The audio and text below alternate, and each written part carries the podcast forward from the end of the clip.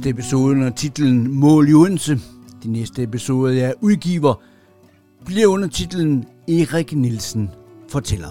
Og dem skulle du gerne kunne finde på Spotify, Apple, Castbox osv. Erik Nielsen fortæller.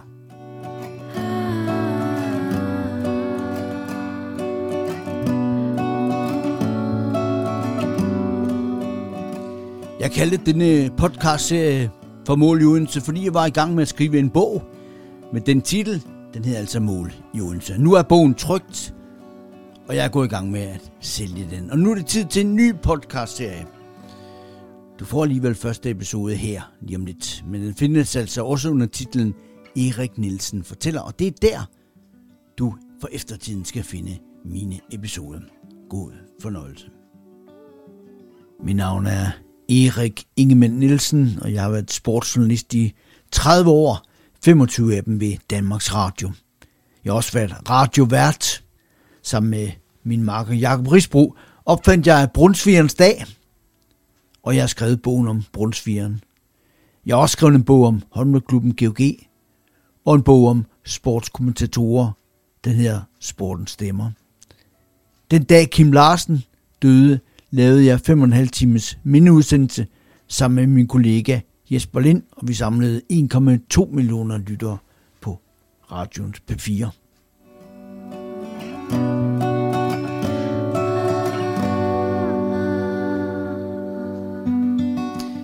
Jeg følte faktisk, at jeg stod på min karrieres højdepunkt, da det gik drastisk ned ad bakke. Først fik jeg en blodprop i hjertet, og da jeg forsøgte at komme mig efter den, blev jeg fyret på grund af for mange sygedage. Og så gik det for alvor galt for mig.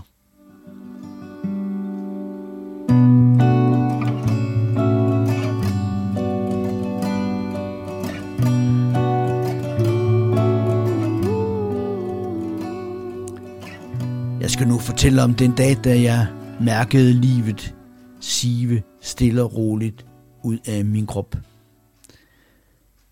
Efter jeg kæmpet hårdt for at komme tilbage fra min blodprop i hjertet i mere end et år, faldt jeg pludselig uden varsel om i mit eget hjem den 1. april 2022. Jeg havde været ude at gå med vores hund i en times tid. Jeg satte ham af derhjemme og gik derefter selv en time i rask trav. Jeg skulle tilbage i form. Jeg havde altid været sådan en, der kunne gå solen sort, som man siger. Da jeg kom hjem, gik jeg i bad nede i kælderen, og jeg husker tydeligt, at jeg kigger mig selv i spejlet og siger, det ser ikke helt skidt ud. Med andre ord siger jeg for første gang i lang tid, at jeg synes en lille smule godt om mig selv. En halv time senere sidder jeg oppe i stuen ved min computer og skriver nogle ting. Jeg sidder og læser højt, og pludselig synes jeg, at det lyder underligt. Jeg rejser mig for at gå ud og tage mig et glas vand. Ude i køkkenet. Heldigvis tager jeg min telefon med, for jeg når kun at gå to eller tre skridt, så dejser jeg omkring på gulvet. Jeg mærker kraften sive ud af min krop. Jeg kan ikke komme op og stå. Min ben er lammet. Hvad sker der? Jeg forsøger at sige noget, og det lyder mærkeligt. Min højre arm, opdager jeg, fungerer heller ikke. Min højre hånd begynder at krumme sammen. Pludselig kan ingen fingre bevæge sig. Ingenting lyster. Og jeg fornemmer, at jeg pludselig ikke kan få ordene frem. Heldigvis har jeg min telefon i hånden, og mens hunden står forvirret og gør ved siden af mig, ringer jeg min hustru op. Hun er på job i Odense, og jeg spørger hende, om hun kan komme hjem til mig, for jeg er skidt tilpas. Øh, jeg tror faktisk, jeg siger, at hun skal komme hjem, for jeg er skidt tilpas. Heldigvis siger hun til mig, at hun nok hellere vil ringe til 112. Jeg siger nej. Jeg vil hellere have, at du kommer hjem til mig. I dag er jeg glad for, at hun ikke lyttede til min gode råd, men ringede til ambulancen i stedet for. Da vi taler sammen i telefonen et par minutter senere, kan hun ikke forstå, hvad jeg siger. Jeg har fået en blodprop i hjernen. Det ved jeg ikke selv. Jeg er forvirret. 20 minutter efter, at jeg er faldet, der ligger jeg i en ambulance, der har fuld udrykning og kurs mod OH, altså hospitalet i Odense. Herfra er jeg indlagt på sygehus i fem uger. Først i Odense i fire dage, og dernæst på genoptræningscenter i mere end fire uger på Svendborg sygehus. De første dage ser jeg i kørestol. Jeg kan ikke bevæge højre ben. Der er ingen følelse overhovedet. Jeg kan ikke bevæge højre arm. Og mine fingre på højre hånd er helt forkryblet og lyster ingen af mine kommandoer. Værst af alt for sportsjournalisten, tv-verden, radioverden, den Erik, der gerne vil synge og fortælle historier og snakke med alle. Der er ikke noget sprog i de første skræmmende og skrækkelige dage. Jeg skal have hjælp til alt. Forflytninger, toiletbesøg, bad, når jeg skal have tøj på. Og sådan er det i mange dage. Jeg kigger mig selv i spejlet. Min mund er skæv. Min hustru Birgitte kommer og besøger mig stort set hver dag i fem uger. Det er en stor opmuntring for mig. En stor del af min verden er bare sammen. Men der er trods alt nogen, der holder fast i mig. Jeg føler, at jeg er faldet ned i et stort, mørkt hul. Jeg hænger i en snor. Langt væk står der nogen og holder fat i toget. Men kan de blive ved med at bære mig? Og er der nogen, der kan trække mig op? Jeg kan næsten ingenting. Jeg erkender i løbet af nogle dage, at intet kan blive som før, når det handler om mit arbejde, mit virke som journalist, holde foredrag, skrive bøger, kommentere sport. Hele min passion. Alt det, jeg har levet for. Alt det, min tid de sidste mange år har drejet sig om. Alt det, der knytter sig til min identitet, er smadret. Det er væk. Mit liv er ødelagt. Det er i ruiner på grund af noget kolesterol, eller hvad det nu er, der har været i min krop og rejst med blodet gennem min krop op i min hjerne og sat sig fast. Og jeg forstår ikke helt, hvorfor. En dag, hvor min hustru er taget hjem fra sygehuset i Odense, sidder jeg alene på stuen. Jeg sidder og stiger på mine fingre på højre hånd, som overhovedet ikke har lystret efter, jeg har fået den der blodprop. Jeg har flere gange råbt til fingrene, at de skulle bevæge sig, men de har ikke rokket sig en tomme. Men denne dag sker der noget, og jeg kan næsten ikke tro det, jeg ser. De fingre, som i mange dage har været som kroge, ubevægelige kroge, bevæger sig pludseligt. Ikke meget. Ja, faktisk næsten ingenting. Men der er liv et eller andet sted derinde.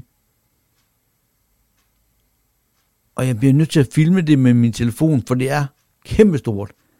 Det første lille håb, jeg har fået, siden jeg lå hjælpeløs ude i vores entré. Det første, jeg gør, er at sende filmen til Birgitte. Der er liv i mine fingre, skriver jeg til hende. Det tager meget lang tid at skrive den korte sms. Med fingre, der overhovedet ikke lyster. Men den skal skrives og sendes. Det er total optur. Jeg sidder i sengen og råber, yes! Måske er der også en lille tårer i øjnene. Kort efter bliver jeg overført til Svendborg sygehus. Efter et par dage kommer min hustru og jeg til møde med læge, fysioterapeut, ergoterapeut og talepædagog. Jeg har set frem til at få at vide, hvor jeg står. Jeg skal nævne nogle ting, jeg gerne vil opnå med mit ophold på sygehuset. Nogle mål for genoptræningen. Og dem har jeg skrevet ned. Eller fået hjælp til at skrive dem ned. Et, at kunne gå, uden at der er nogen, der støtter mig. To, at kunne tale, så folk forstår, hvad jeg siger. 3. At kunne tage tøj på selv, også knappe skjorten. 4. At kunne bruge min computer.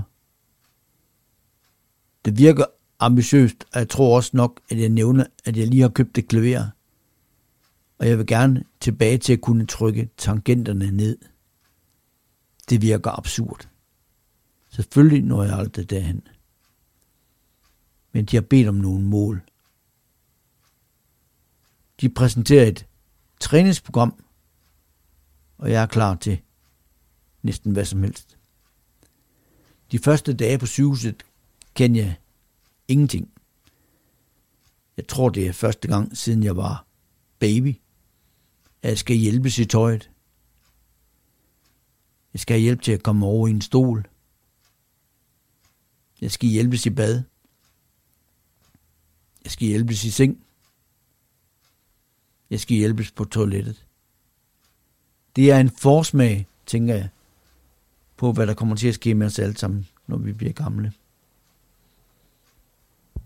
Godt, ingen kan se mig, tænker jeg. Venner, familie, tidligere kolleger. Ingen, ingen må se mig sådan her. Birgitte kommer med hilsner fra folk, der gerne vil besøge mig. Jeg siger tak, men nej tak. Jeg kan ikke bruge højre hånd, så jeg skal tørre min numse med venstre. Du kan lige prøve det en dag. Det er ikke nemt. Når jeg skal skrive sms'er, foregår det med venstre hånd. Det hele er en skræmmende oplevelse. Lige når man sidder i det, overvejer man, om man nogensinde igen får noget, der ligner en normal tilværelse.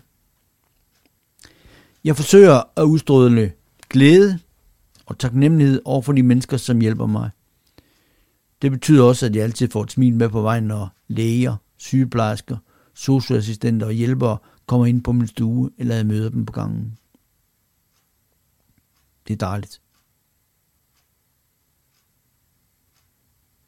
Jeg får det bedre. I løbet af en uge får jeg min førlighed nogenlunde tilbage. Ja, nogenlunde. Jeg kommer ud af kørestolen. Og det er som et ja, mirakel at have følelse tilbage i benet. Jeg begynder at gå, gå ned af sygehuset gang efter et par uger. Og i løbet af nogle uger kan jeg også selv knappe min skjorte, selvom det er med et vist besvær. Og det var en krig. Jeg kan selv tørre mig, når jeg er på toilettet. Tak for det. Jeg kan ikke trykke tasterne på min telefon eller computer ned. Jeg kan ikke spille guitar eller klaver eller holde rytmen. Men det er der sikkert nogen, der påstår, at jeg ikke kunne i forvejen. Jeg kan heller ikke synge, men det kunne jeg måske heller ikke i forvejen. Fløjte? Heller ikke. Luften siver bare ud af min mund. Jeg kan ikke spise normalt. Jeg får blendet al min mad, fordi det hele ryger ned i den gale hals, hvis ikke det bliver blendet. Hver dag får jeg moste måltider. Og det gælder alle måltider. Morgenmaden er grød og yoghurt, grød og yoghurt og grød og yoghurt. Jeg kigger misundeligt på dem, der får kaffe og rundstykker med ost. Frokosten er most, Og aftensmaden kan være kartoffelmos med blendede frikadeller til, og blendede gulerødder og moset broccoli. Alle måltider ligner hinanden. Jeg kan ikke drikke et glas vand. Det ryger alt for hurtigt ned i min hals, og så går det galt, og så skal jeg hoste det hele op. Derfor skal der fortykkelsespulver i alt, hvad jeg drikker. Saftvand, kaffe og vand og så videre. Jeg kan ikke øh, få maden ned. Den samles i min højre kind som en stor, tyk klump. Hvert måltid er et helvede. Og jeg er lettet hver gang jeg har nogle timer, hvor der ikke er morgenmad, hvor der ikke er frokost, eller hvor der ikke er aftensmad. Jeg taber 5 kilo i løbet af de 5 uger. Jeg prøver at skrive på min computer. Jeg kan, jeg kan ikke trykke tasterne ned med højre hånd. Der er ganske enkelt ikke nogen kræfter i arm og hånd. Alting foregår med venstre. Men ergoterapeuterne fortæller mig, at det er den forkerte vej at gå. Det, der er sket, forklarer de, er, at nervebanerne fra hjernen og ned til kroppen er ødelagt. Smadret. De fungerer ikke som transportvej mere. Der skal skabes nye nervebaner. Nye veje fra hjernen ned i kroppen, og det skal jeg så selv sørge for ved at bruge min højre hånd. Således at min hjerne forstår, at min højre hånd gerne vil udføre nogle handlinger. Det er mildt sagt modsommeligt arbejde. Hver dag står på tre gange træning. Der er fysisk træning, der er træning af hånden, og så er der motoriske øvelser. Efter hver træning på 45 minutter er jeg så træt, at jeg går ind på stuen og lægger mig. Ergoterapeuten kommer med et saftevandsglas uden saftevand. Hun har også medbragt nogle kaffebønner, som hun lægger på bordet foran mig.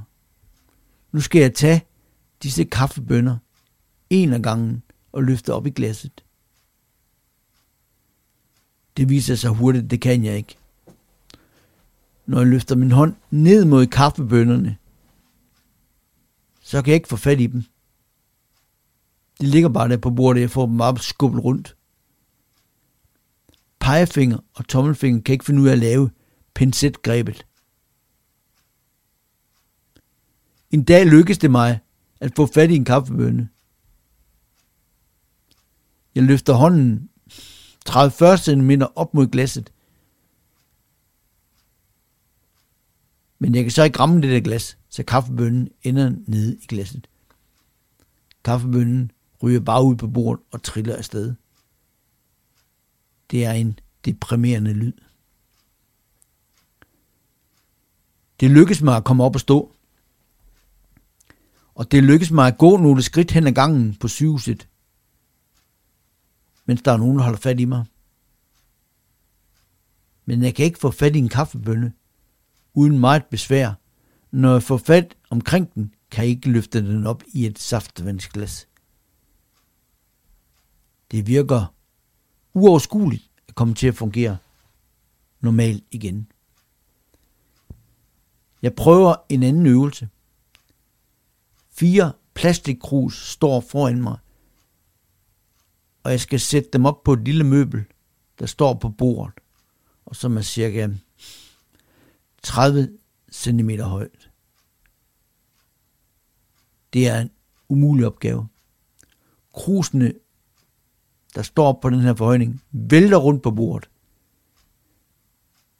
Jeg har ingen afstandsbedømmelse, så jeg møder dem bare ned. Og jeg kan ikke holde fat om kruset. Det er dybt frustrerende for en voksen mand. Det er en opgave, som jeg forestiller mig, vuggestuebørn kan udføre. Og her sad jeg, 62 år, og vent til at udføre noget mere komplicerede opgaver. Jeg er frustreret. Jeg får sat strøm til mine kinder, når jeg spiser.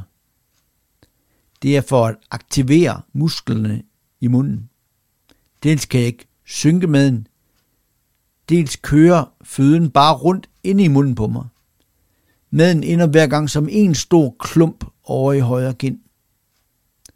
Elektriciteten skal få indersiden af munden til at vågne op. Det er ubehageligt. Det gør en smule ondt at få stød. Men det er ikke det værste. Jeg bryder mig ikke om, at der er fokus på mig, når jeg spiser. Og at der sidder en ergoterapeut og kigger på mig den halve time, det varer at spise et stykke rugbrød. Mm, en rette til måske en halv stykke rugbrød. Hun følger med i hver eneste synk, og jeg kan mærke, at jeg ikke bryder mig om, at der er fokus på spisningen. Jeg bliver mere og mere bange for at fejlsynke. Jeg sover ikke om natten. I fem uger er det højeste, jeg sover, tre timer. Og det er, når det går rigtig højt. Nogle nætter sover jeg slet ikke. Jeg er ved at blive vanvittig. Min krop er træt, men den er også fuldstændig urolig. Det er som om, jeg skal op og stå hele tiden, bevæge mig hele tiden, for at få uroen ud af kroppen. Og hvis jeg endelig er ved at falde i søvn, så giver min højre arm en spæt. Og i begyndelsen irriterer mig grænseløst. Men på et tidspunkt tænker jeg, at det måske er positivt. At det kunne skyldes, at nervebanerne er ved at dannes, og at min krop er ved at vækkes til live igen. Helt galt er det med mine ben, som skal bevæges konstant. Jeg har altid haft noget uro i benene, men nu er det ekstremt. Så hver femte minut stiger jeg ud af sengen, og efterhånden bruger jeg flere timer hver nat på at vandre op og ned af hospitalsgangen, da jeg først lærer at gå. De første nætter kigger sygeplejerskerne underligt på mig og spørger, hvad der er galt, om jeg mangler noget. De gør alt, hvad de kan. En sygeplejerske kommer og putter mig og lægger puder og tæpper under min krop og masserer mine ben. Desværre alle tiltag forgæves. Der går et eller to minutter, så roder jeg rundt, fordi min krop vil bevæge sig. Jeg prøver i stedet for at sove om dagen, indimellem alle mine træninger. Jeg deler stue med en anden mand. Han går i seng kl. 20, og han sover til klokken 8 om morgenen. 12 timer sover han. Han er ikke vågen et eneste minut. Og jeg begynder at tænke over, hvor dårligt det må være for min hjerne, at den ikke får ro hver nat. Den er i forvejen beskadet, og nu er den udsat for det her.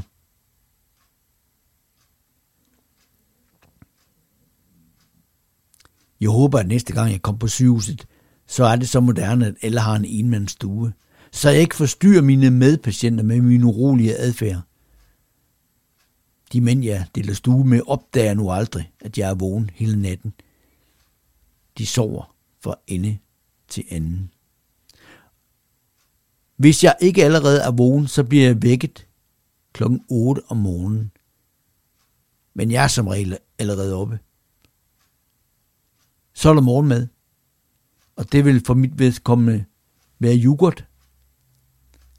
I de fem uger, jeg i Svendborg, spiser ikke en eneste gang brød til morgenmad. Jeg kan ikke tygge det. Jeg kan ikke sluge det. Det samme gælder frokost og aftensmad.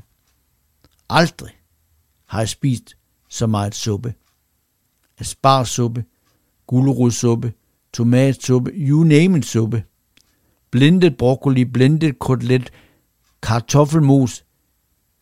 Jeg kommer igennem hele sygehuskøkkenets repertoire flere gange i løbet af de der fem uger.